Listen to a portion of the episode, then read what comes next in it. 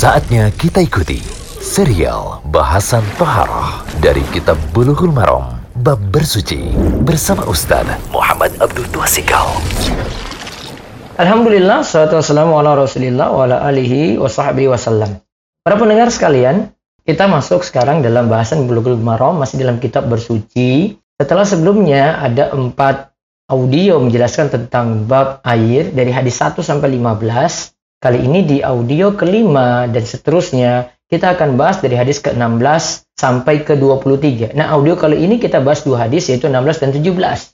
Ini tentang masalah bejana atau wadah. Bejana atau wadah di sini maksudnya yang kita gunakan untuk naruh air, kita untuk masukkan air di situ, masukkan makanan ya.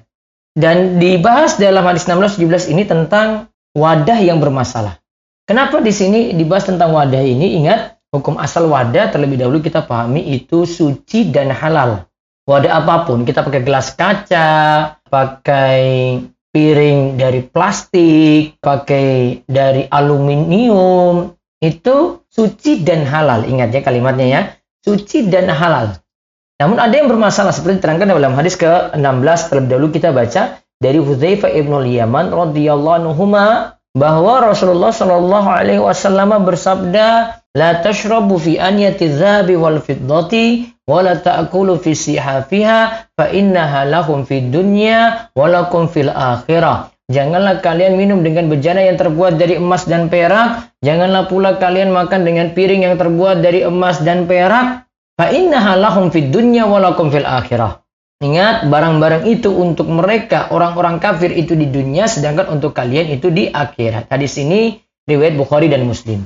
Faedahnya yang bisa kita ambil, yang pertama diharamkan makan dan minum pada wadah yang terbuat dari emas dan perak. Ingat ya, dari bentuk piring, gelas, sendok, garpu. Pokoknya kalau itu terbuat dari emas dan perak, itu diharamkan. Terus yang kedua, sebab diharamkannya adalah karena tersebut dengan orang kafir. Lalu yang ketiga, hukum larangan ini berlaku untuk laki-laki dan perempuan. Artinya, tidak boleh laki-laki dan perempuan menggunakan wadah yang terbuat dari emas murni atau emas yang bercampur dengan yang lain. Begitu pula dilarang memakai yang terbuat dari perak murni atau perak yang bercampur dengan yang lain.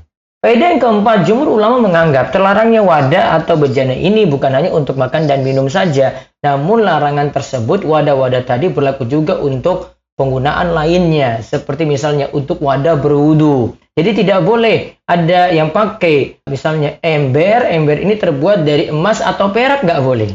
Jadi ingat ya, ada sebabnya lagi kita sebutkan kelima ini. Menggunakan wadah atau punya dari emas dan perak dilarang karena satu perantara pada kesombongan menunjukkan oh sifat orang sombong walaupun dia tidak nyatakan gitu ya. Namun dari perbuatannya, dari tingkah lakunya. Yang kedua, menghancurkan hati orang-orang miskin menghancurkan hati orang-orang miskin. Nah, sekarang kita lihat masih bersambung lagi pada hadis ke-17. Diharamkan minum dari wadah perak sekarang. Jadi hadis Ummu Salamah radhiyallahu anha bahwa Rasulullah shallallahu alaihi wasallam bersabda, "Alladzi yashrabu fi ina'il fiddati innama yujarjiru fi batnihi nara jahannam." Muttafaqun alaih. Kata Nabi Shallallahu Alaihi Wasallam, orang yang minum dengan bejana dari perak, sungguh ia hanyalah memasukkan api jahanam ke dalam perutnya.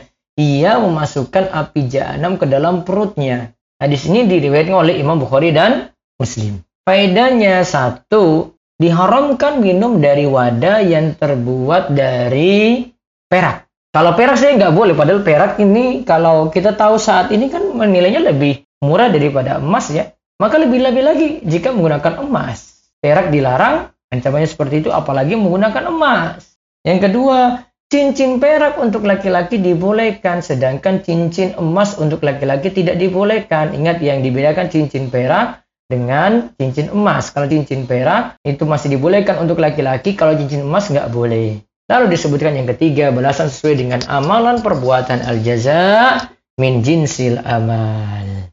Wallahu alam semoga jadi ilmu yang bermanfaat. Demikian serial bahasan Toharoh dari Kitab Bulughul Maram Bab Bersuci bersama Ustaz Muhammad Abdul Tuasikal.